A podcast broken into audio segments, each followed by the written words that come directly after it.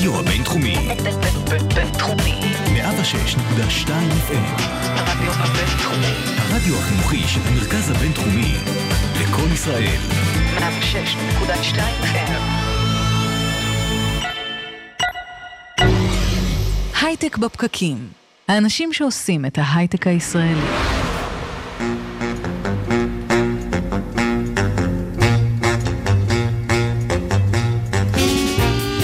בוקר טוב, יום חמישי 30 באוגוסט 2018, הייטק בפקקים.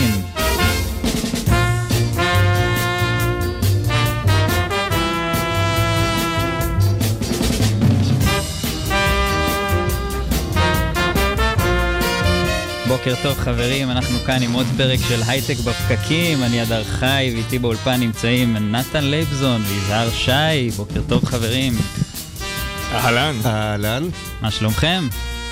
וואלה, ש- יום יום. יופי, נפלא. נראה לי טוב.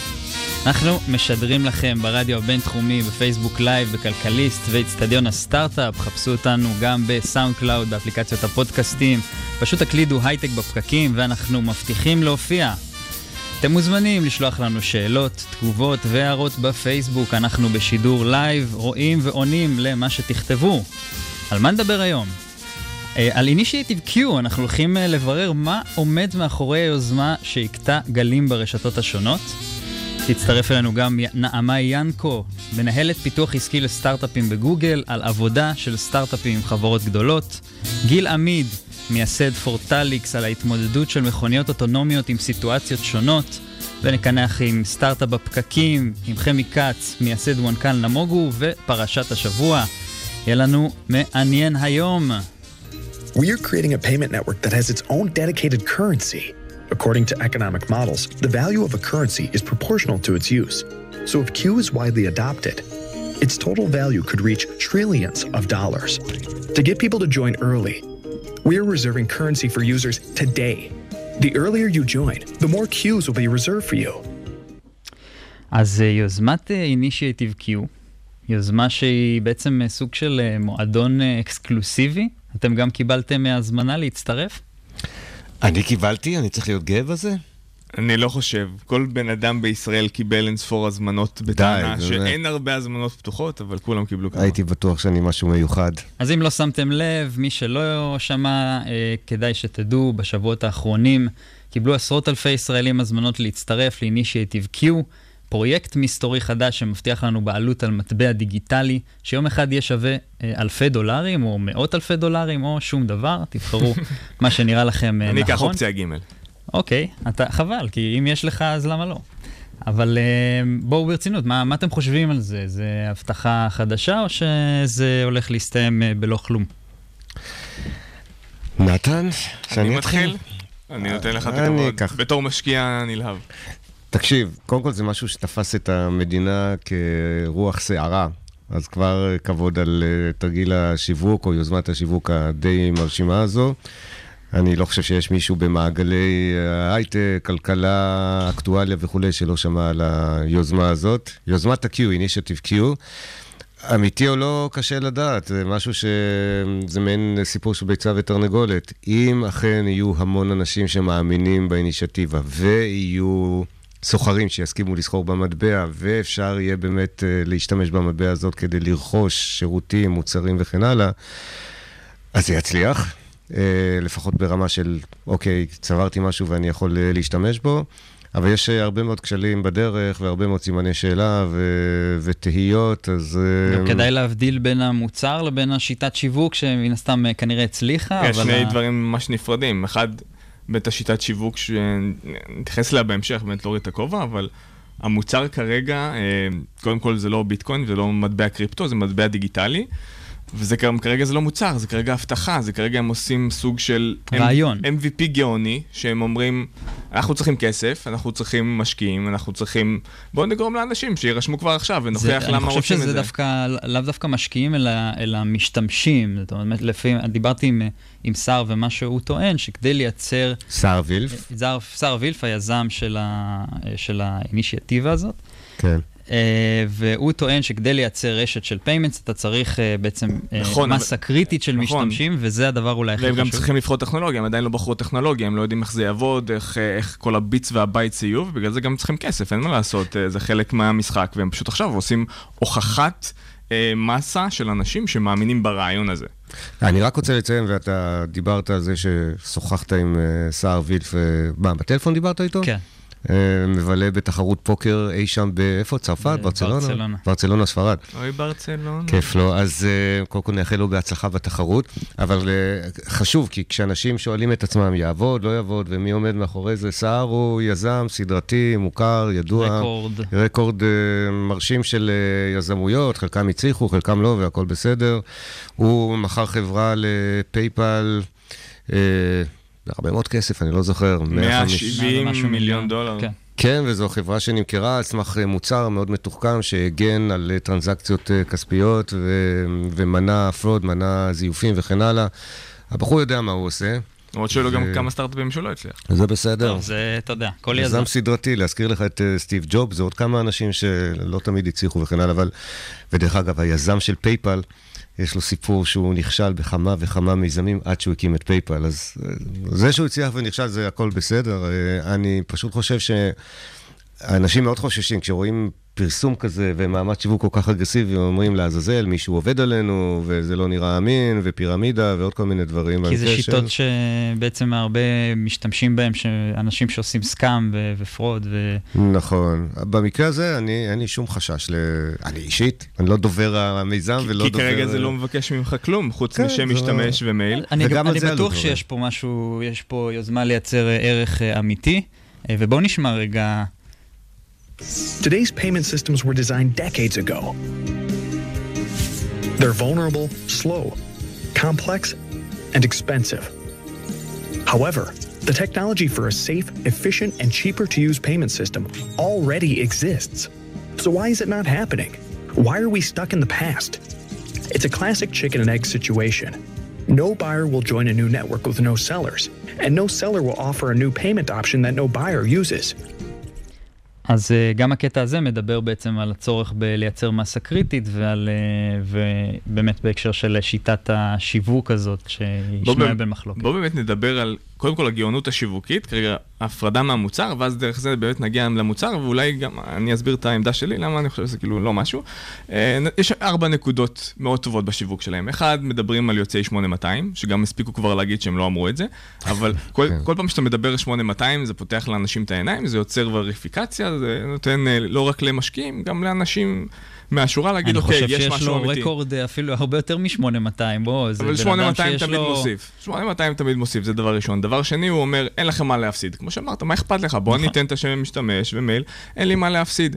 למרות שגם שם אנשים חששו, אמרו, רגע, ניתן את השם, ומה עם הגנה לפרטיות, ואולי יסחרו בשם שלי. נכון, אבל אתה צודק, בעיקרון, נכון. לא דורשים כלום. לא אין לך מה להפסיד. אין כרטיס אשראי, אין זה, תן את השם ואת כן. הכתובת אימייל, הוא במילא נמצא שם בכל אנשים, מקום. אנשים אוהבים כשאין להם מה להפסיד.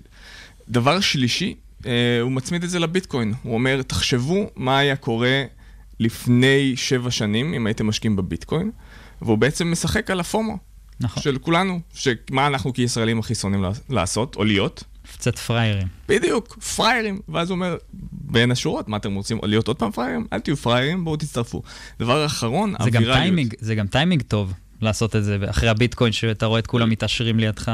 כן, טיימינג זה הכל בחיים. דבר רביעי זה הווירליות, שהוא גם איזה משהו שאולי שווה ללמוד, שהוא אומר לכל אחד יש חמש הזמנות שהוא יכול להעביר הלאה, מה שיוצר סוג של, אה, אם זכיתי בזה, כמו שחשבנו באולפן, אנחנו חלק ממועדון אקסקלוסיבי, אז קיבלנו הזמנה, כמו שג'ימייל, אה, גוגל, סליחה, עשו עם אי- ה Inbox החדש שלהם, וכמו שדרובוקס עשו בזמנו, שבעצם יש לך מספר מאוד מצומצם של אנשים שאתה יכול להזמין, ואז כביכול דרך הגן הסגור הזה אתה יוצר אקסקלוסיביות.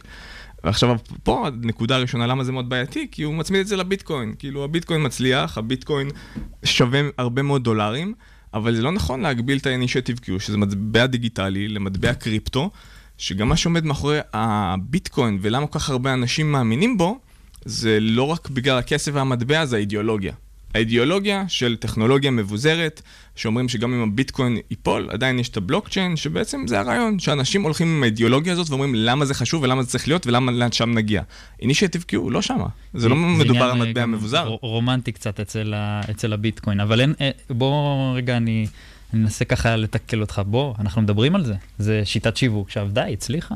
שיטת שיווק מעולה, כי שיטת שיווק זה שיטת שיווק. אז אולי זאת גאונות אבל בעצם. המוצר ואתה עצמו- יודע, הוא רוצה להגיע למסה קריטית של משתמשים. נכון. אבל ו- כמה, כמה אתה יכול ללכת עם שיטת שיווק גאונית כאשר אין באמת מוצר אמיתי מאחורי זה, וכשאתה מגביל את זה לביטקוין, וזה לא ביטקוין, ואנשים בסופו של דבר יראו שזה לא ביטקוין, קודם כל האנשים שנאמנים לאידיאולוגיה, כנראה שלא ייכנסו לזה, כי אין לך פה שום דבר שמשאיר את הכוח בידי המון, אלא בידי חברה מאוד ספציפית שהיא תקבע בעוד חודשיים שערך המטבע 130 אלף דולר, ובעוד שלושה חודשים שהוא 13 דולר, למרות שהם אמרו שהם ימנו ועדה אה, לא, שהיא לא נתונה לפניות ודברים כאלה. הכוח לא יצא להמונים. בגלל זה, הדבר הבסיסי הזה של אני מאמין בזה כי הכוח מבוזר, הוא ייעלם בסופו של דבר. כי האין לי מה להפסיד הזה, הוא לא, הוא לא, לא יכול להחזיק, הוא יחזיק שנה. ומה יקרה אז? יהיה מה להפסיד. צריך שיהיה מוצר, אין ספק. לא, ב- אבל אם אתה מסתכל על הצד שלו, אז קודם כל באמת, אה, השיווק הוא גאוני ואני מצטרף למחמאות. הם חייבים שיהיה ביקוש כדי שהמטבע הזה יעבוד, לכן אה, השיווק הגאוני פה הוא, אה, הוא מחויב המציאות, והם הצליחו בחלק הראשון, אם לא יהיה ביקוש. זה ללא ספק. כן. עכשיו, האם אה, יהיה לזה שימוש? אה, זה עוד פעם, זה תלוי עד כמה זמן הציבור יחזיק את האמון, ומצד שני, הסוחרים ואנשים שמוכרים אה, מוצרים או שירותים יהיו מוכנים להשתמש באמון של הציבור כחלק מהמערכת הכלכלית החדשה הזו. ופה- ו- יש פה הרבה סימני שאלה. זה... ו- ושוב, אני חושב שהכל נשמע לי כשר לחלוטין, כולל זה שהמוצר עוד לא גמור, עוד לא מוכן. זה, זה מעניין, אנחנו, אומת הסטארט-אפ, אנחנו ישר חושבים על הטכנולוגיה ואיך האלקטרונים יזוזו מימין לשמאל, ואיך הקוונטים יסתדרו בשורה עורפית, אבל מה שחשוב פה זה השיטה. השיטה הכלכלית והאמון של המערכת כולה וכולי, ואם זה יעבוד, אז המוצר אה, הוא כמעט משני, הוא נורא חשוב, הוא צריך להיות מאובטח, והוא צריך להיות נכון וכולי, אבל... אבל כרגע מה שהוא מוכיח, שאנשים מוכנים לקבל Q בחינם. הוא לא הוכיח כן, שהם איזו מוכנים לתת היתכנות של המוצר. Q עבור משהו. אבל אני בטוח שיש פה ניסיון לייצר מוצר עם ערך אמיתי, מוצר עם חזון, זה, וזה, אין לי ספק. אה, צריך לראות עכשיו אם זה באמת אה, יממש את עצמו. יש פה ניסיון אה, לשנות את שיטת התשלומים שהיא באמת לא, לא יעילה. אה, כל הנושא של כרטיס אשראי, שבעצם למה אתה לא עובר ו, ומעביר את הפלאפון שלך, וכל הנושא של, אה, של fraud שקורה. אנחנו מראיינים פה אה, בהמשך גם אה, חברה שנלחמת ב fraud, אמנם fraud קצת אחר, אבל זה גם בזיופים, קורה. כן. אה, קורה באינטרנט הרבה, גם fraud של כרטיסי אשראי, וכל הדברים האלה, יכול להיות שזה יעזור למנוע. אם זה יהיה מוצר אמיתי או לא, זה כבר שאלה אחרת לגמרי. כן, ואני חושב ששוב, אם אתה חותר לשורה התחתונה, מבחינתי זה הגאונות השיווקית. תחשבו, יש פה יש מאין, לפני חודש, אני חושב בערך חודש, אף אחד לא ידע מה זה Initiative Q. עכשיו כולם מדברים על זה. הם לא השקיעו בזה מיליוני שקלים או דולרים של פרסומות בשלטי חוצות ושלטים שלטים ענקים באיילון ובפרסומות בטלוויזיה, כלום. באופן ויראלי לחלוטין, בצורה של אה, מפה לאוזן ואקסקלוסיביות וכל מיני רשימות סודיות וכאלה, הם הגיעו למיליוני אנשים, אני חושב שזה פשוט מדהים, זה, כל זה הכבוד. יותר טוב לדעתי מה-ICO, שהם אה, גם מבקשים כסף על הדרך, אתה יודע. זה- אה, כן, אם בכלל- יעשו ICO זה בכלל לבל אחר. משום מה אני מנחש אם היה פה ICO, הוא היה מצליח בצורה יוצאת דופן, אבל אתה יודע, ספקולציה. אבל באמת. לנקודה למחשבה. נגיד כל העולם אוטופי, כולם יש מטבעות אינישטיב Q, כי כולם שמחו לקבל בחינם. איכשהו אני גם, אני לא אופתע אם זה יהיה המצב, כי עם כל ההגבלות שלהם, שאנחנו במג- נגביל את המטבע ולא כולם יקבלו, נגיד באמת לכל העולם יש אינישטיב Q. המעבר הזה, בין יש לי מטבע ששמחתי לקבל אותו בחינם, לבין עכשיו אני באמת מאמין במטבע הזה, שהוא יכול לרכוש משהו, זה הבדל תהומי. נכון. זה הבדל תהומי, זה לתת את הערך השווה הזה למטבע ששום מדינה כרגע לא תיתן, ואפשר לדעת איזה גופים יעמדו מאחורי זה. הביטקוין התחיל להיסחר ולקבל ערך כי הוא התחיל בדארקנט, ושם אנשים התחילו להעביר לתת לו אפרופו- ערך. אפרופו ביטקוין, אמיר אשר כותב לנו פה בכלכליסט, בזמן שאתם מדברים קיבלתי עוד שתי הזמנות להצטרף, אני מניח לאינישטיב Q. מה שאנשים רוצים זה בעצם שנהיה 2009, ב- בהקשר לדבריך, נתן אומר, בואו נחזור ל-2009 ושיציעו לנו ביטקוין. עוד אני משהו, ש... לרוב, עוד משהו שסער אמר, זה בעצם שאתה צריך כדי אה, אה, לה- להביא את המטבע לידי שימוש, בעצם להפעיל אנשים אה, שיצטרפו, גם לתת להם לעשות כל מיני פעולות שיעזרו, ובעצם כשאנשים עושים את הפעולות האלה, הם כנראה מרוויחים עוד Q, אה, וזה גם חלק מהעניין, שהוא צריך את המאגר משתמשים שגם יהיו פעילים ויעשו דברים, כדי לעזור למטבע הזה להיכנס ל, אה, לשימוש. ואני רואה שאנחנו צריכים לסיים. אז אה, אני מחלים יגידו. לשר בהצלחה. להירשם או לא. להירשם? תן את הפתרון לא שלך, להירשם, זהו. לא להירשם, להירשם, לא להירשם. להירשם. לא להירשם, אל תלך עם. העדר בחיים, יזהר. חילוקי דעות למרות בחיים. שאני לא נרשמתי. חילוקי דעות. באולפן, האולפן סוער.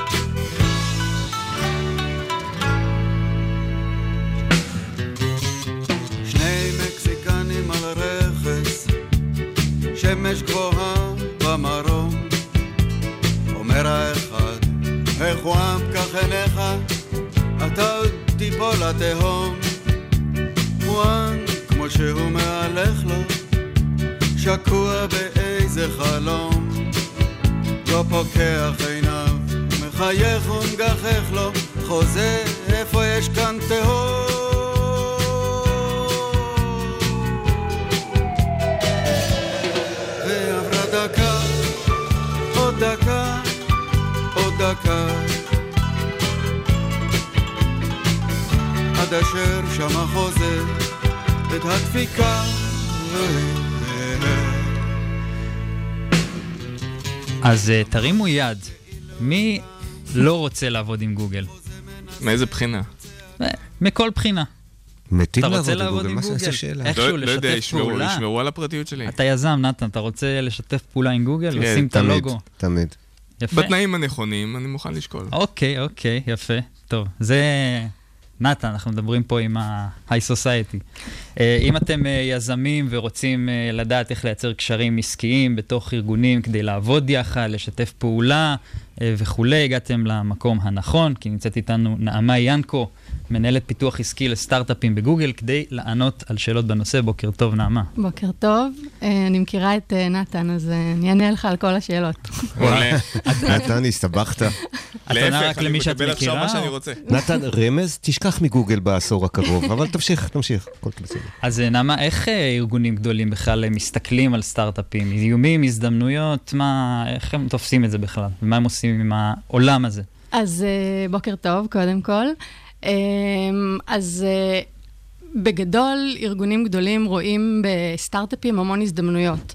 אה, אני חושבת שזיהו את זה כבר המון המון שנים אחורה. חברות הייטק היו הראשונות לזהות את זה, אבל היום הן ממש לא היחידות. אה, זה כולל חברות בנקים, חברות ביטוח, חברות בריאות, כולם היום בתחום הזה. והם בעצם מחפשים אה, לשתף פעולה בכל מיני דרכים. יש אה, דרך תוכניות שהם מייצרים, דרך שיתופי פעולה, דרך אה, שיתופי פעולה עסקיים, דרך scouting, באמת יש היום מלא, מלא אפשרויות. איזה ערך סטארט-אפ יכול לקבל מעבודה עם אה, חברה גדולה למשל? אה, הוא יכול לקבל שיתוף פעולה ברמה העסקית, ברמת השיפור של המוצר, פיתוח של המוצר, וזה גם דרך תוכניות. אני חושבת שחברות גדולות היום, יש להן המון ידע, והן מאוד רוצות לשתף את הידע הזה.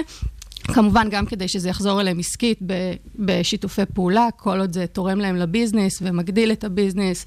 אה, אם זה להכניס innovation חדש שאין, שלא קיים בחברה, אה, להיכנס לתחומים חדשים שהם לא רוצים. כמובן, כל זה מוביל בסוף ל-M&A, אבל, אבל לא תמיד זה בהכרח אה, אבל- ה- היעד אז בואי. תרגיעי איתנו, כי M&A זו אפשרות נחמדה, אבל אחד החששות הגדולים של סטארט-אפים זה גוגל הגדולה, תגנוב ממני, תדרוס אותי, תיקח ממני את הכל באכזריות ובקשיחות. בואי תרגיעי אותנו קצת. אה, אז ממש ממש לא. אה, גוגל זה ארגון מאוד גדול, מעל 70 אלף איש, יש המון המון מחלקות. אני באופן אישי עובדת עם סטארט-אפים בתחום ה cloud, ויש מנגנונים מאוד מאוד מסודרים של איך לעבוד עם סטארט-אפים ואיך לייצר שיתופי פעולה. כשאנחנו עובדים עם סטארט-אפים, אנחנו בעצם עוזרים להם בליווי. משלב הרעיון, אנחנו עובדים עם סטארט-אפים משלב הרעיון עד series A, ובעצם עוזרים להם מ... השלב של להתחיל את השיתוף פעולה, איך לעשות את זה נכון, מתי השלב הנכון, אה, איזה דברים הם צריכים, זה משהו שיכול לחסוך להם המון זמן, ולסטארט-אפים זמן זה משהו שהוא קריטי, ואנחנו בעצם מלווים אותם עד שאנחנו הופכים אותם להיות שותף טכנולוגי במקרה של cloud, במוצרים אחרים אז התהליך הוא אחר, אה, ובמקרה הזה יש סינרגיה כמובן, אין, אה, אין איזושהי גנבת מידע בשום צורה, זה ווין ווין לשני הצדדים. נעמה, ש... דרך אגב, שאלו פה מה זה M&A, M&A, אז M&A זה merge and acquisition, בעצם, נכון. אה, או מיזוגים לקנות, ורכישות. לקנות, או מה שעורכי דין. אוהבים לעשות. לאכול את החברת סטארט-אפ, אפשר להגיד, או לאו דווקא. לאכול, נראה לי כל סטארט-אפ ישמח שיקנו אותו. יאכלו אותו גם. כן, אבל מבחינת אה, החברה הגדולה, בואו, בסוף אה, פייסבוק, גוגל גדלים ונשארים חזקים בגלל שהם יודעים לקנות את הסטארט-אפים הנכונים. אה, אני יכולה להגיד ספציפית על גוגל, שיש המון המון אינוביישן פנימי, זה חלק מה, מהתרבות שלנו, ואני חושבת שבגלל זה גם גוגל מאוד מזוהה עם סטארט-אפים. יש המון אינישטיבס, המון יוזמות שגוגל עושה. בפועל, היא, אנחנו רוצים לשתף את הידע שלנו בכל מיני צורות, כל מיני תוכניות, אם זה דרך הקמפוס, ואם זה דרך אה, אה, תוכנית שנקראת GDGs, ש... בעצם אמ, מפתחת אנשים מהקהילה ללמוד על מוצרים שלנו ולהוביל את הקהילה בתחומים האלה. אה, אני חושבת שהתרומה של גוגל לתחום ה open source זה אמ, מוכיח בפני עצמו. אמ, ובעצם כל הערוצים האלה, המטרה היא בעצם להנגיש את הידע הפנימי ושסטארט-אפים יוכלו ללמוד מטעויות שגוגל עשתה ולדעת מה יש שם בשוק כדי לעזור להם בעתיד נעמה, לפיתוח המוצר. לפני איזה חמש שנים, גם היה איזה meetup שראיתי את מאיר ברנד, שאז מנכ"ל החטיבה העסקית של גוגל. באתי אליו עם רעיון שהיה מאוד אה, נראה טריוויאלי, שילך עם הקמפוס של משהו למציאת שותפים. לא רציתי לעשות עם זה כלום, אמרתי, תעשו את זה, אתם גוגל. ומאיר אמר לי, רעיון מעולה, תעשה את זה. אז בהמשך לנקודה הקודמת, שזה מרגיש שגוגל כחברה ענקית יכולה לעשות הכל, למה אתם צריכים כאילו להסתכל החוצה בכלל לסטארט-אפים? כאילו, יש לכם, אתם עושים הכל, מפתחים הכל, טכנולוגיה מבחינת מהירות. אנשים חכמים. עד כמה, עד כמה סטארט-אפים באמת אה, אטרקטיביים לכם? כאילו, אני, האם- אז שאלה טובה, אני חושבת שזה נובע משני דברים. אחד, זה התרבות הארגונית של גוגל, שכמה שהיא גדולה היום, אנחנו עדיין כמו סטארט-אפ, לכל עובד מהשורה יש אפשרות ליזום דברים, ואני חושבת שזה משהו מדהים, ואני חושבת שגם זאת סיבה ש... עובדים נשארים המון המון זמן, אני כעובדת יכולה ליזום, וכישלון מתקבל בברכה. אני, העיקר זה הניסיון, אז אין איזשהו, יש הרבה סבלנות לכישלון, והעיקר הוא לנסות. נתן, תזכור שגם אה, גוגל הייתה סטארט-אפ קטן אה, כשיאו הייתה ענקית, ואתה יודע מה... מזמן, מזמן. בעולם ממש לא בטיימינג מזמן. אחר, ממש לא מזמן. שעוד לא חלמו על אפילו על אינישטיב לפני כמה שנים ממש קצרות. זאת נקודה אחת. הנקודה השנייה היא שגוגל יודעת שיש המון אינוביישן בחוץ, ואנחנו שמחים לדעת מה קורה. זה מגיע ממקום של צניעות, שכמה שבגוגל יש הרבה אנשים חכמים, ויש הרבה אינוביישן פנימי, אנחנו עדיין... יודעים שיש דברים שהם יכולים להיות טובים בחוץ, ויכולה להיות סינרגיה, שוב, גם ברמת השותפות, ועובדה שגוגל עדיין קונה חברות ותמשיך לקנות חברות. למה, מה הדרך הכי נכונה לסטארט-אפ שעכשיו אומר, וואי, אני רוצה ליצור קשר ולעבוד עם אה, חברות גדולות, אה, לעבוד עם חברות גדולות? בדיוק מתעניינים. תיתן קרדיט, אילן אה, יניף או אה, בכלכליסט אוקיי, שואל אותך, איך פונים... אני שאלתי בעצמאית, אה, אבל הנה... המצאת זה- בעצמך? כן, כן, אוקיי. חשבתי על זה לבד. קלעת לדעת גדולים. אילן יניב, כלכליסט, איך פונים אליכם? אה, אז אה, שאלה מצוינת, יש המון המון המון ערוצים, וגוגל מאוד שמחה לשתף פעולה. אני חושבת שהיום, אם מישהו רוצה ליצור קשר עם גוגל, הוא יכול למצוא מישהו פנימי שיעזור לכוון אותו לבן אדם המתאים. אה, יש את הקמפוס שהוא נגיש לקהילה, הוא פתוח לכולם, יש שם אירועים, תמיד יש שם עובדי גוגל שאפשר לגשת אליהם. אני מתנדב שם ככה. מעולה. אתה מנטור שם? כן. אה, מצוין. אה, נתן, מה איתך? לא הזמנת אותי. אני אדאג לזה. אני מחכה. אני- אני דואגת לזה. שחר מטורין כותב פה, נתן קשוח הבוקר, מעניין איפה הוא הוציא את זה, לא? אה, אז יש את הקמפוס, יש, אה, יש הרבה פונקציות שעובדות עם סטארט-אפים. אני ספציפית עובדת אה, עם סטארט-אפים בתחום ה cloud, אבל אפשר גם לפנות אליי ולפנות לעוד פונקציות בתחומים אחרים, והם יעזרו לקד... לקדם אתכם פנימית, ל... או להפנות אתכם לבן אדם הנכון. אה, ויש הרבה תוכניות לסטארט-אפים, אם זה תוכניות אקסלרציה, אם זה Launchpad. המיטאפים שהזכרתי, באמת יש המון המון ערוצים. אה, זה מצוין להתחיל לייצר קשרים, וכשהזמן המתאים מגיע, אז גם מחברים אותם לאנשים המתאימים בתוך הארגון. נעמה ינקו, תודה רבה שהיית איתנו, סוף שבוע מצוין. תודה רבה, היה כיף. קצר כמו שאמרתם.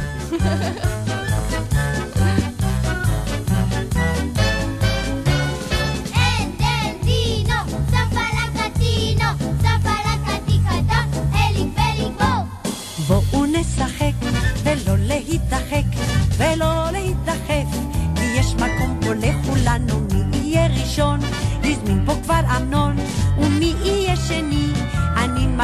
אנדן בינו.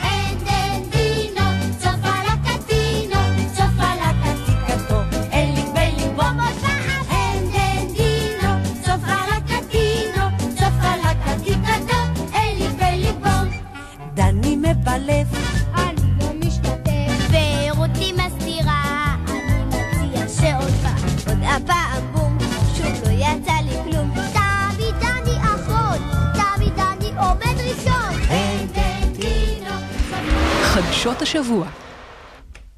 אורטל, שלום. שלום, שלום. בוקר טוב. בוקר אז מצוין. הכנת לנו חדשות מעניינות לשבוע הזה? השתדלתי, בוא אוקיי. נראה אם זה יעבוד. בואו נראה. אה, אז ככה, הדבר הראשון שנדבר עליו, אקזיט אה, בדרך של חברת ColorChip, שיושבת ביוקנעם, חברה שמפתחת רכיבי תקשורת אופטית, שמאפשרים לשנע ביעילות אה, רוחב פס, כלומר מידע בקנה מידה גדול, בעצם חברות ענק הם הלקוחות שלהם, אה, אז באמת היא כנראה, זאת אומרת, היא ככל הנראה נרכשת על ידי חברה סינית במיליארד שקל. אה, ומה שמעניין באקזיט הזה, אה, חוץ מהסכום המכובד אה, כמובן, זה דרך החתחתים שהחברה הזאת עברה, זאת אומרת, זו חברה שקיימת הרבה, שורדת כבר הרבה מאוד שנים, מ-2001, ואפילו הגיעה למצב של חדלות פירעון איפשהו שם ב-2008, והצליחה דרך הדבר הזה לשמור על לקוחות קיימים, ועדיין לנשום עם ה... זאת אומרת, עדיין אותם משקיעים אה, הנשימו את החברה הזאת, ולעלות ולעלות עד אה, לאקזיט הזה. וליזהר יש אה, ככה, מכיר אפילו יותר לעומק את הסיפור הזה. לא, אני חושב שציינת באמת את הנקודות שמעניינות פה. זה סיפור של סטארט-אפ שעבד קשה מאוד. עבד. היזמים, והעובדים, והמעורבים, ואפילו המשקיעים, כולם עבדו מאוד קשה במשך הרבה מאוד שנים. ומי שעוקב ידע שהסטארט-אפ הזה... כן, אפילו אה. כן, עלו עם... תקשיב, יש שם משקיעים שתמכו בחברה הזאת הרבה מאוד שנים, ויש אפילו סיפור כזה קצת קשה שיצא בעיתון, שחלק מהמשקיעים הפסידו את כספם. נכון. למרות ה...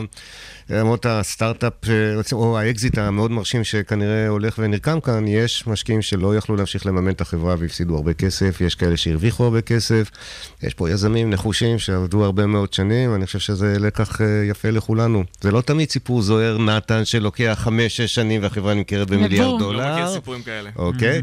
זה 17 לפעמים שנה, הסיפור. הזה. כן, כמה זמן לקח למובילאיי להימכר לאינטל ב-15 כמה? מיליארד דולר, אתם יודעים? 18 כן. שנים? 18? 18 אמרתי שנים. חמישה. אגב, הם, אה, עדיין לא נרכשו ופרסמו את הידיעה, זה לא קצת אה, מסוכן? זה לא יכול לפוצץ את העסקה? כן, לגמרי, אני לא מבין את זה, אבל סקופ, כל הכבוד. מי פרסם את זה? זה אחד העיתונים פרסם את זה, לא? כן, ו- לא אוקיי, זוכרת. אז, אוקיי, סקופ מאוד יפה, וחלילה. שעלול לפגוע בעסקה עצמה, כי העסקה עוד לא קרתה. נקווה עבורם שלא. מקווה ש... מקווה שדרך חתחתים הזאת לא תסתיים באיזה... באיזה חתיכת משמעותי. באיזה קוץ.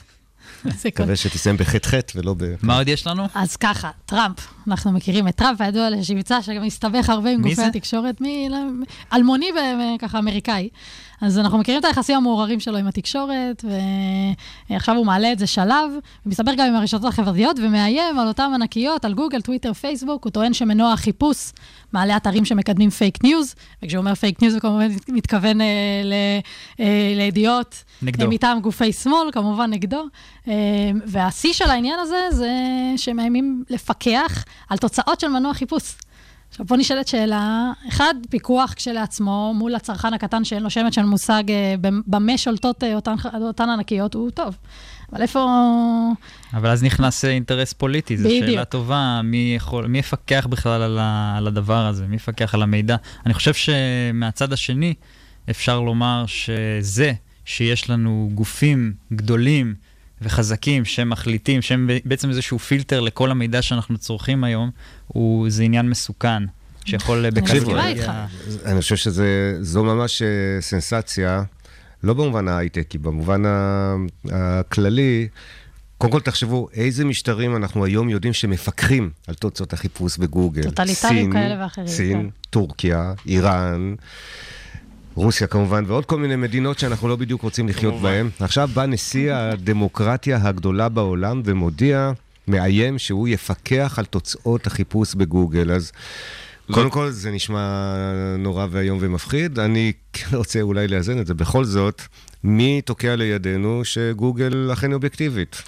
חד משמעית. ויכול להיות, תיאוריות הקונספירציה אומרות שכבר מזמן גוגל לא אובייקטיבית, עמק הסיליקון הוא עם אג'נדה ליברלית, אה, שמאלנית אה, נכון. זה כמו וכן מקרה הלאה, ונהפוך הוא עם אה, כל מה שהיה עם- קיימברידג' אנליטיקס והשליטה של פייסבוק בעניין הזה, כן. אז עכשיו זה הפוך. אני חושב שהטוענים אה, בעד אה, האיומים של טראמפ אומרים, אפילו נניח והם לא מאמינים בזה, אבל אפילו נניח שגוגל היום אובייקטיבית ופייסבוק גם כן, יום אחד המשטר שם יתחלף, יבואו לא היזמים, יבוא הדור הבא של מנהלים בגוגל, ויבוא המנהל הבא אחרי מרק צוקרברג, ואולי עם הם לא... אג'נדות משלהם, אג'נדות ו- משלהם. אף אחד לא יודע איך אבל- האלגוריתם עובד. אגב, כאילו, אבל קיימברידג' אנליטיק זה לא החברה עצמה, זו חברה אחרת שעשתה שימוש לרעה בנתונים, זה לא פייסבוק עצמה שבאה והטטה את כן, זה. אבל זה מה- מה נכון. לפייסבוק- לפייסבוק יש זה המחיש. זה המחיש. ברור את שיש סיכון, הפוטנציאל. אבל כמו שיש את הסיכון בידי האדם הפרטי, יש את הסיכון בידי הממשלה, והאנשים יעדיפו לעשות הרבה מאשר להחזיר את הכוח לממשלות, על זה אנחנו אני מדברים, מסכימה. על זה מה שהרשתות החברתיות. כביכול עשו, הוציאו את הכוח מידי כל אותם ערוצים מרכזיים. אבל מצד שני- העברת את זה ומצד שני,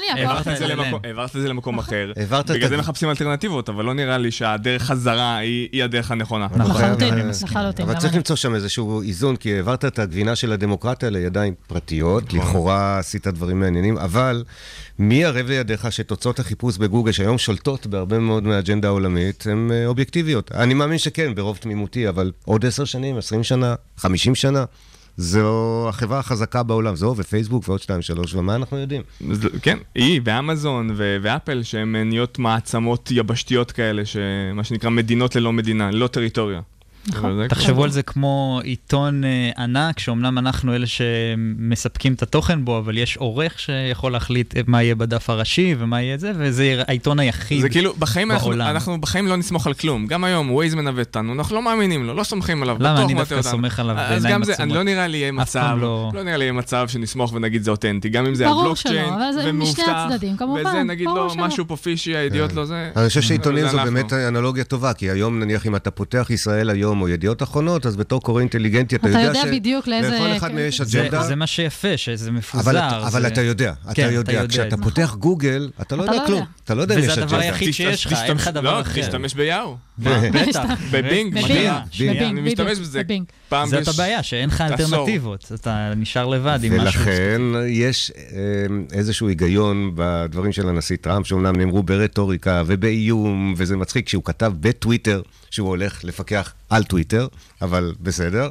אה, יש איזשהו אה, היגיון שצריך לחשוב עליו, ואני לא בטוח שהנשיא טראמפ הוא האדם שבידיו לא. אנחנו רוצים לתת לא, את לא, הפיקוח על. גוגל.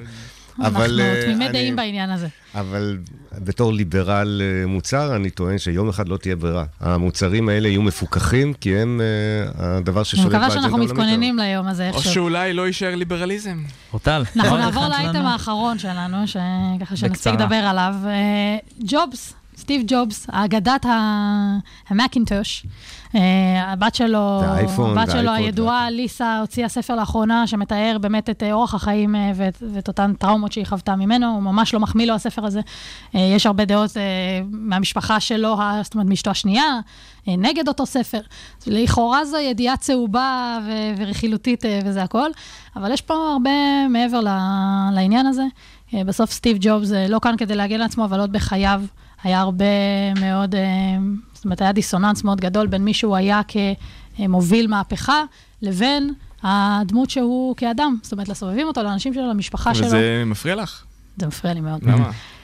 תשמע, בסוף בתור חברה, בתור ecosystem, אנחנו, אנחנו שואפים לקדם ערכים כאלה ואחרים. הרבה מדברים על הנושא החברתי והסביבתי, ומי אנחנו כבני אדם.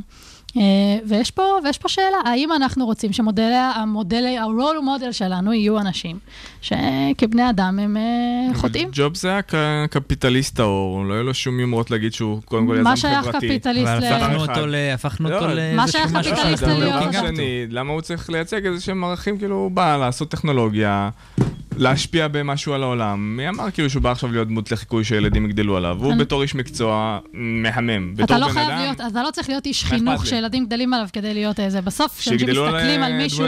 לשאוף אליו, שואפים ל- לדמויות כאלה, לסטיב ג'וב, לג'- לג'ף אפשר. פה מילה של טכנאי, מילה של. טכנאי. אמ, גם מוזיקאים שאנחנו אמ, מעריצים אותם, כמו ב-2000. זוהר ארגוב, שעשה דברים מזעזעים שהוא ישב עליהם. בכלא, וגם בן גוריון היה כנראה איש משפחה בכלל או משהו. כאילו, מסכימה איתך. באופן כללי, אנשים קרייריסטים גדולים, בדרך כלל מזניחים את המשפחה יכול שלהם. להיות שההצלחה גדולה עולה לך, אתה נכנס קצת למצב של אבל שיגעון. ס- ג'וב זה לא, לא דווקא שהוא לא איש משפחה טוב, הוא פשוט היה כבן אדם בלתי נסבל. אבל אה, זה מה שמספרים עליו, כן? לא, זה לא אני אמרתי. לא, אבל לא- זה, לא מכיר. זה לא עולה בד בבד ולהגיד שבן אדם שהוא מוצלח במשהו אחד, חייב להיות גם משהו אחר, וזה לא אמור להשפיע או להפריע. אני לא לאו אומרת מסי- חייב. לאו מסי, שחקן כדורגל אדיר, הוא לא העיפרון הכי חד בקלמר. די. זה לא אמור להשפיע לא. על זה. ומעלימס, ש- עכשיו ומעלימס. שילדים יריצו אותו בתור שחקן. כדורגל. כן, אני... אני חושבת שיש פה, עוד פעם, בעולם של פעם היו הרבה דברים ש... זאת אומרת, היינו מאוד מפרידים בין הדבר הזה. אתה קפיטליסט, אתה מצליח בעסקים, נפלא. היום, כשאנחנו, בטח כשאנחנו מתיימרים להיות אקוסיסטם שמנסה לקדם טוב בעולם הזה, ואנחנו יודעים כבר שאפשר לעשות הרבה טוב בעולם ולהיות בן אדם טוב ולעשות הרבה מאוד כסף. אני חושב שזה סיפור עצוב בסך הכל, נכון, שהבת כותבת דברים כל כך קשים על האבא שלה, אני עצוב בשבילו בעיקר- שם למעלה, ובעיקר בשבילה. הוא גם. מתכחש לה בחלק גדול היא מהחיים. קיבלה נכון. מחשב על שמה, שתגיד תודה. אורטל, תודה על החדשות המעניינות. תודה לכם. בהחלט מעניינות. תודה.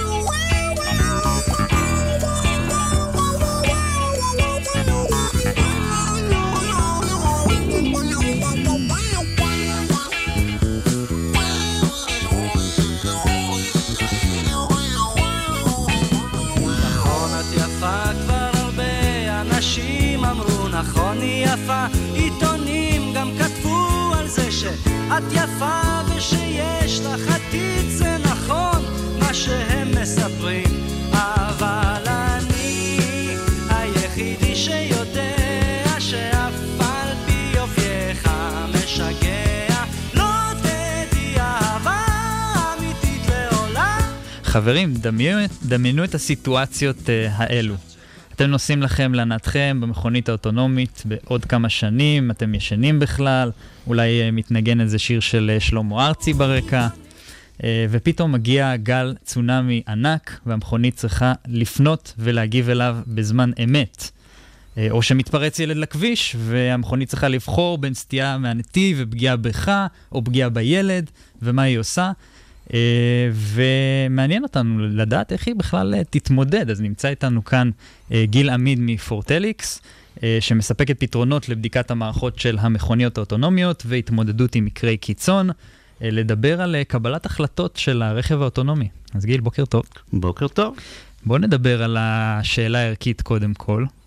מה הערך הקדוש עבור מכונית אוטונומית? איך היא מקבלת החלטות בכלל?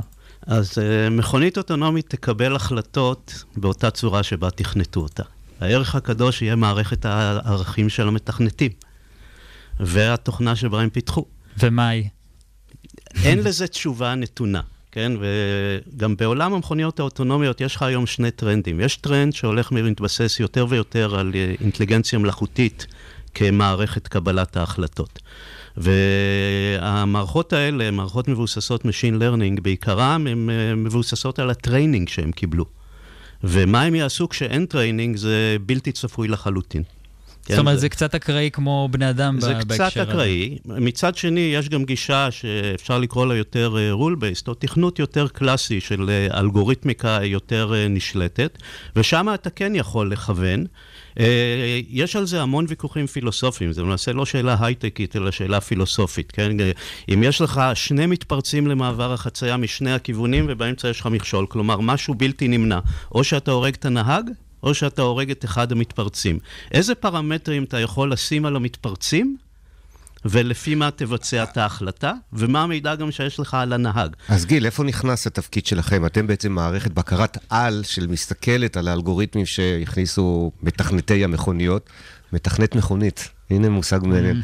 מקצוע של העולם כן. אז הם החדש. תכנתו שם דברים, ואתם בעצם עושים וריפיקציה.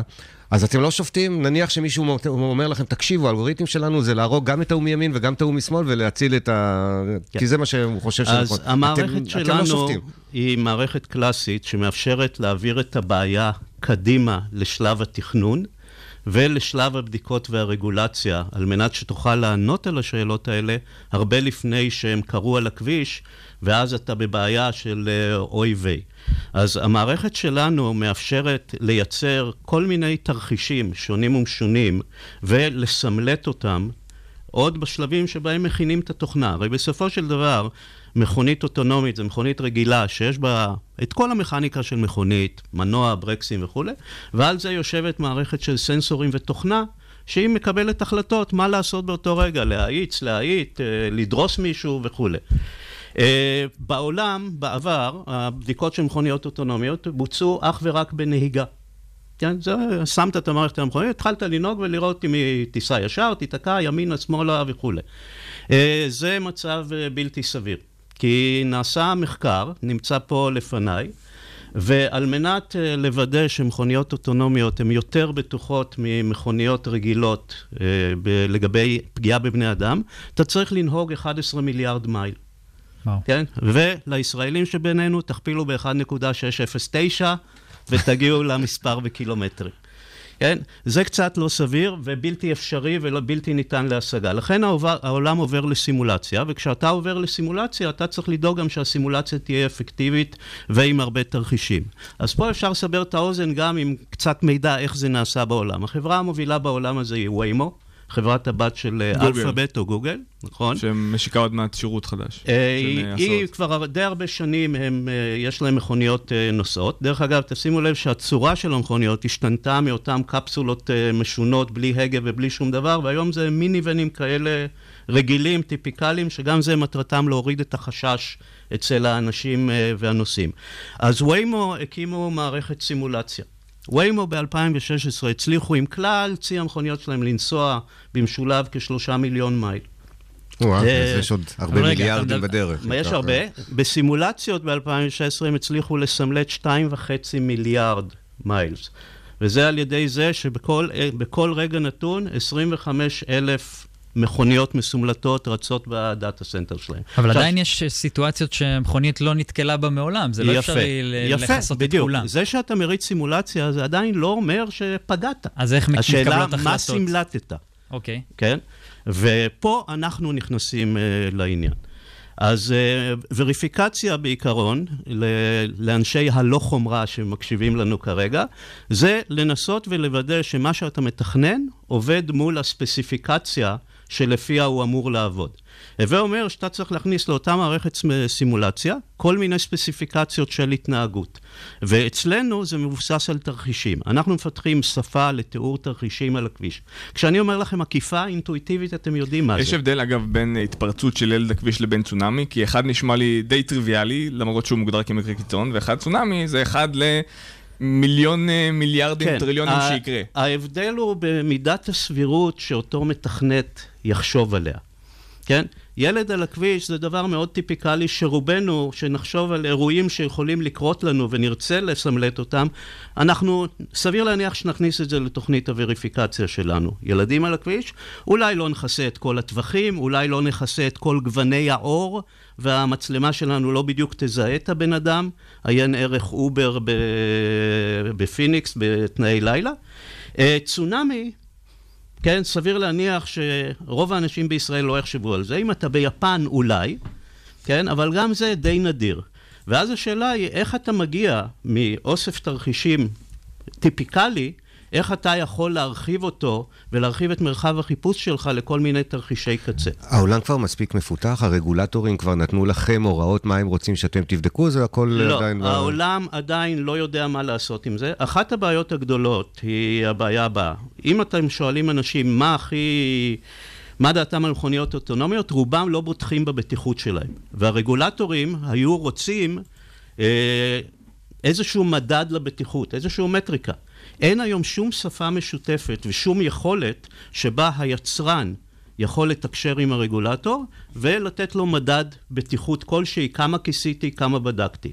הפתרון שלנו אמור לספק גם מענה לזה על ידי מדדים של כיסוי או של coverage בלעז, וזה למעשה מדדים שאנחנו מביאים מעולם הצ'יפ דיזיין, ששם אנחנו בילינו את מירב שנותינו הטובות, ואנחנו למעשה לוקחים אה, שיטות ומתודולוגיות שפותחו במשך השנים האחרונות, עשרות השנים האחרונות בעולם הצ'יפ דיזיין, ומתאימים אותם לעולם הזה של המכוניות האוטונומיות. גיל, אנחנו ככה לקראת סיום, אה, אתם...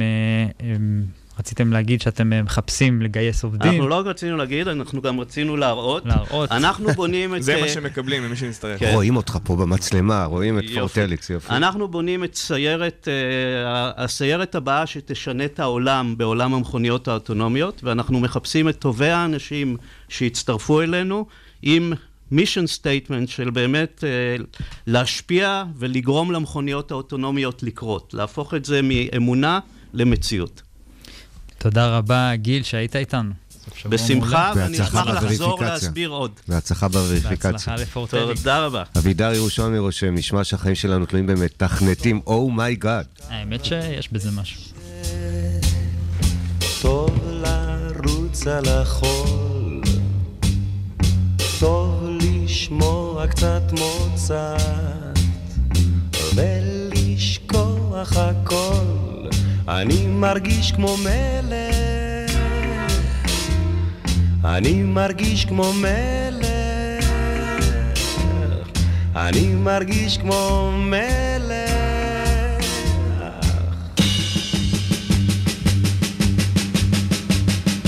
את רוצה לנצח, אני מוכן להפסיד.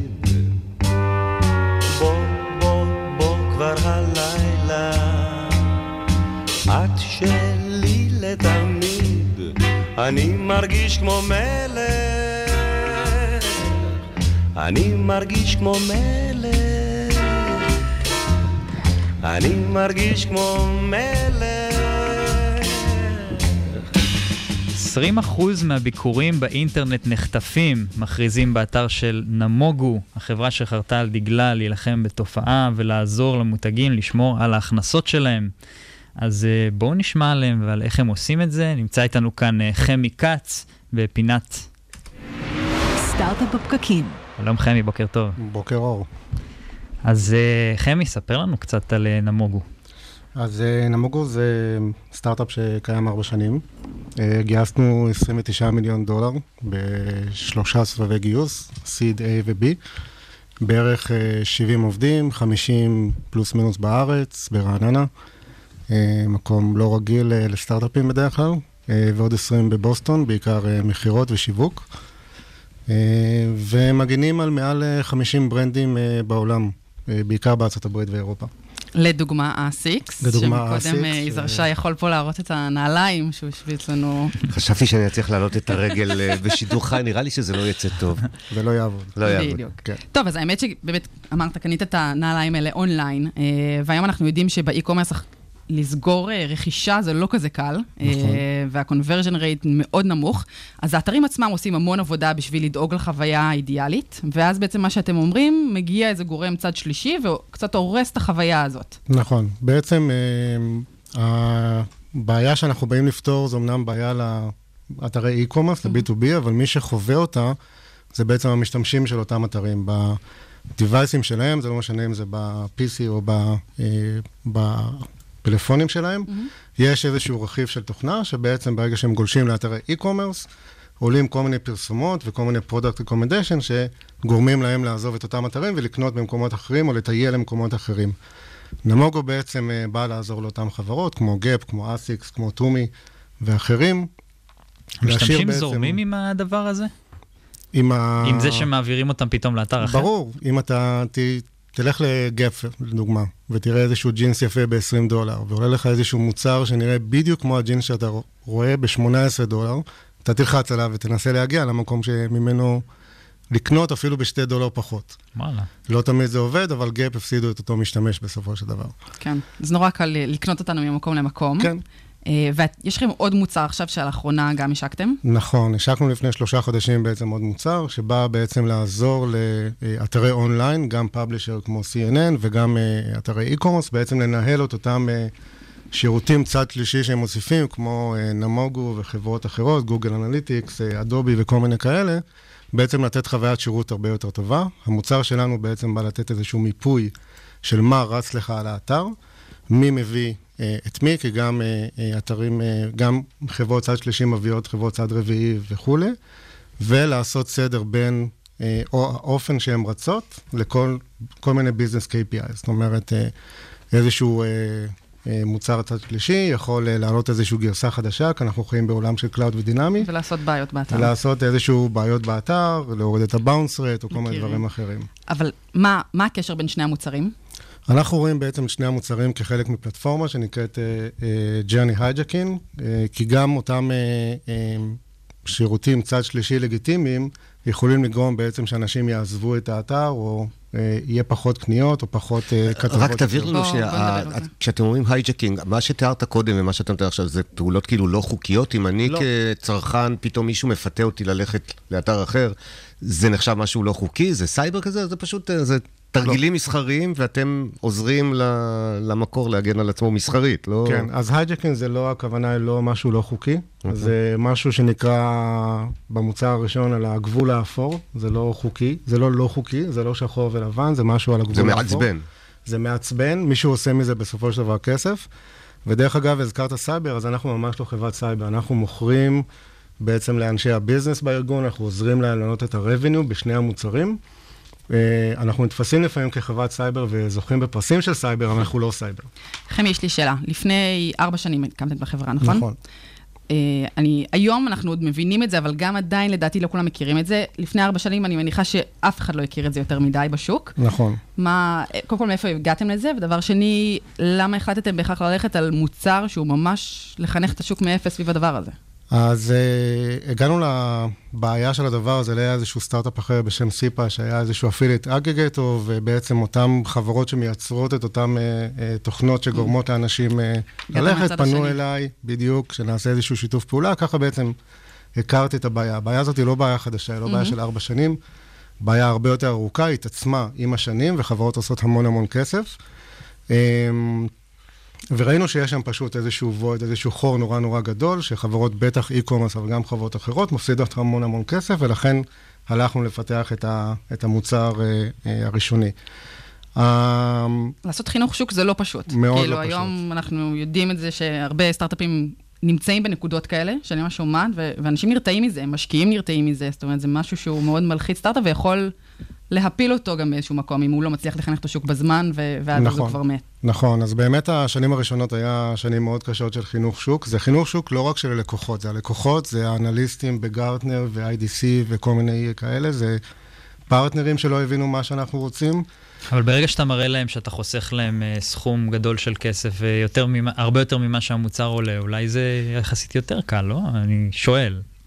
קודם כל זה אף פעם לא קל, אבל היום זה הרבה יותר קל יותר ממה קל. שהיה בהתחלה, כן. Uh, היום בעצם אנחנו עושים פיילוט מאוד מאוד uh, uh, פשוט, נקרא לזה, uh, בגדול עם הלקוחות שלנו, שבעצם אנחנו יכולים להראות להם היום את העלייה בהכנסות, אבל בהתחלה לא היה לנו את הדברים האלה. זאת אומרת, זה מתודולוגיות שפיתחנו לאורך, uh, לאורך הזמן. כי אז אתה מראה להם מספר, מספר, מה חסכת, מה אתה נכון. משלם, ואתה יכול אה, לעשות היגיון ב... נכון, אבל ה-education בהתחלה היה באמת להראות להם אה, תמונות ממחשבים מודבקים, ואיך בעצם האתר שלהם אה, נראה אצל חלק מהצרכנים, אצל אותם 20 אחוז אה, צרכנים שגולשים לאתר שלהם, ורואים כל מיני דברים, אה, דברים אחרים. זהו, אז אני רוצה שבאמת נתעסק בזה עוד שנייה, אה, ואולי ננסה לתת לנו טיפים אה, של איך לעשות חינוך שוק נכון. זאת אומרת, מה אתה חושב בתהליך שלכם שהיה בדיעבד חכם, נכון, רלוונטי אולי לסטארט-אפים אחרים, שגם נמצאים בנקודה הזאת, שהם באים לעשות משהו, והם נמצאים בשלב שהם באמת צריכים, קודם כל שהשוק יבין לאן הם הולכים, כדי שבאמת שהמוצר שלהם יתפוס. אז אני חושב שקודם כל הכי חשוב זה בעצם לחדד את, ה, את המסג'ינג וללכת על בעיה אחת. על נקודה אוקיי, אחת שהיא מעניין. מאוד מאוד כואבת אה, אצל הלקוחות ולהדגיש אותה, אם אפשר להראות אותה ויזואלית כמו שאנחנו הראינו אותה, זה מאוד מאוד עוזר. כי להגיד שלקוחות עוזבים את האתר שלך זה לא ממש אה, עוזר, אתה ממש צריך להראות להם אה, את הדבר הזה קורה. אה, אז איך הראיתם להם ממש... ממש, אה, דמו? ממש אה, תמונות, אוקיי. ואחר כך גם שהקוד שלנו היה על האתר שלהם, ממש הראינו להם תמונות של חלק מהגולשים, מה בעצם הם חווים. לדבר המון עם אנליסטים, המון המון המון עם אנליסטים ועם PRים ועיתונות, כדי בעצם שכולם יתחילו לדבר על התופעה הזאת, ובאמת היום אנחנו רואים שיש הרבה יותר כתבות, הרבה יותר חברות פונות אלינו. חמי, אנחנו חייבים לסיים, אז ככה כן. שמילה לסיום. אה, מילה לסיום. אה, אם אין, זה גם בסדר. אנחנו מאחלים לכם אה, המון. בהצלחה. תודה רבה. ותחסכו כסף למותגים הגדולים. תודה. תודה. תודה רבה.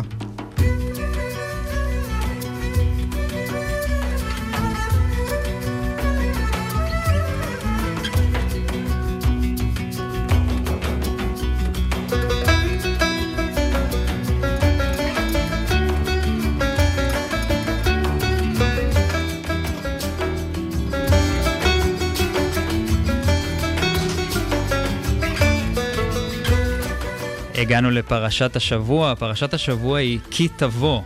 היא כוללת את החלק האחרון של נאום המצוות, ביניהן מצוות ביקורים ומצוות וידוי מעשרות.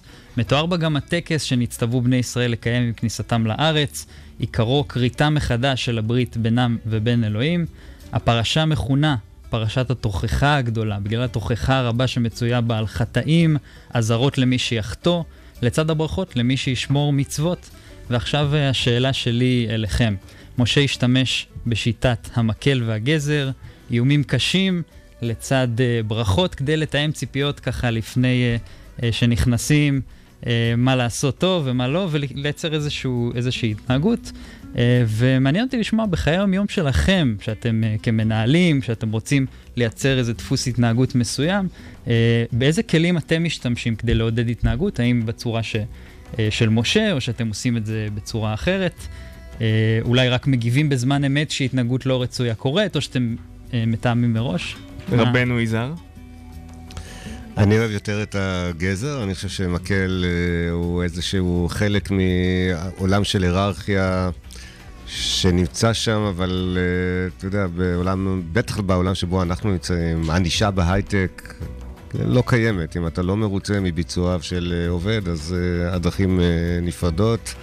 אני חושב שזה המקל פחות או יותר היחידי ששווה לחשוב עליו, וגם הוא בסיטואציות קיצוניות.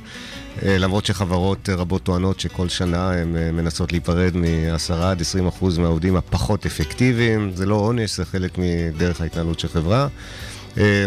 ושם נגמר המקל. את הגזר אני כמובן הרבה יותר אוהב. הגזר הוא אה, לתת לעובדים את האפשרות אה, להתפתח, אה, לקבל אה, יותר אחריות, לקבל משימות יותר מעניינות, אה, לצאת לקורסים, לפעמים אפילו בונוסים כספיים. זה, זה הגזר שאני מעדיף לראות. יפה, נתן? יש גם פה בפרשה עצמה, זה... משה מדבר לאו דווקא המקל שלו, זה מקל של העולם, שזה מה שיקרה אם לא יקרה. זה כאילו לא בעיה שלכם, זה בעיה שלנו. וגם כשמציירים את המציאות העגומה, ואפשר בהחלט לצייר מציאות עגומה, כי לא הכל ורוד ו- ולא רק זרים, אז לא אתה תעשה ואתה תקבל מקל, אלא אנחנו נהיה בבעיה, כי משהו לא יקרה. אם אתה לא עושה את העבודה שלך נכון, אז כנראה שאני לא עושה את העבודה שלי נכון, ואנחנו בסופו של דבר פוגעים בחברה, באג'נדה, בחזון. זה יפה, וזה מתחבר אה, גם, אה, זה מתחבר גם למה שהתחושה שלי, שאני אוהב לתת אחריות לאנשים שאיתי, כי עם אחריות באה מחויבות, אה, ואז זה מייצר התנהגות וחזון משותף. זה אחלה, זה הרבה יותר כיף. קיבלת את מה שרצית. חברים, תודה רבה לכם אה, שהייתם אה, איתנו. תודה לנתן לייבזון ויזהר שי שהייתם איתי באולפן. יש לכם ככה דברי סיום?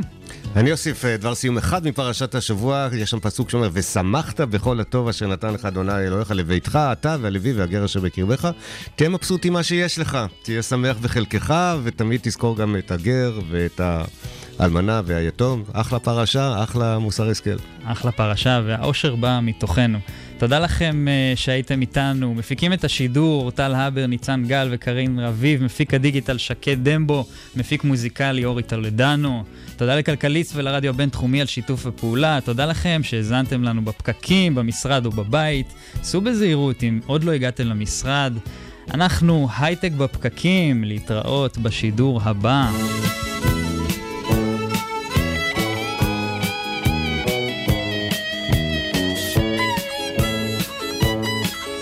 יש לכם תוכניות לסוף שבוע? אה, אתה יודע, יש לי סמינר ללכת אליו, וזה... איזה סמינר? בוא תשתף אותנו. סמינר נשמע מעניין. סמינר של פולין. סמינר של טסים פולין. לפולין, אתה כן. בגילך המופלג טס לפולין? גם אתה טס לפולין. באמת? אני יכול להצטרף אליכם? אה, רק אם תתנהג יפה. אה, זה טיול... אה, תקשיב, אדר. פרשת השבוע, כל הכבוד. וואו. תודה. פעם ישבת ראשונה וחקרת. שלי, שאני יושב אה, וקורא אותה לעומק ככה, אבל ממש לעומק. ממש, אנחנו- נכנס לכל הפסוקים. כן, עוד נלמד ממך דברים. איזה- אה, איזה פסוק הכי אהבת? וואו, אתה מתקיל אותי עכשיו לגמרי. אתה בתור אדמו"ר הבא. הנושא על המצוות וה... חבר'ה, ושמחת בכל הטוב, מה, אין, כאילו, מה, אה, תחשוב על זה, איזה יופי של זה. אין מה, יותר-? ורוד מזה. האמת שאהבתי, האושר נמצא בתוכנו, אנחנו כן, צריכים. לייצר אותו, כי הוא לא יגיע משום מקור חיצוני. כאילו כל קורסי הקואוצ'ינג נשענים על המשפט הזה. יפה. אוקיי. שבת שלום לכם, חברים. שבת שלום.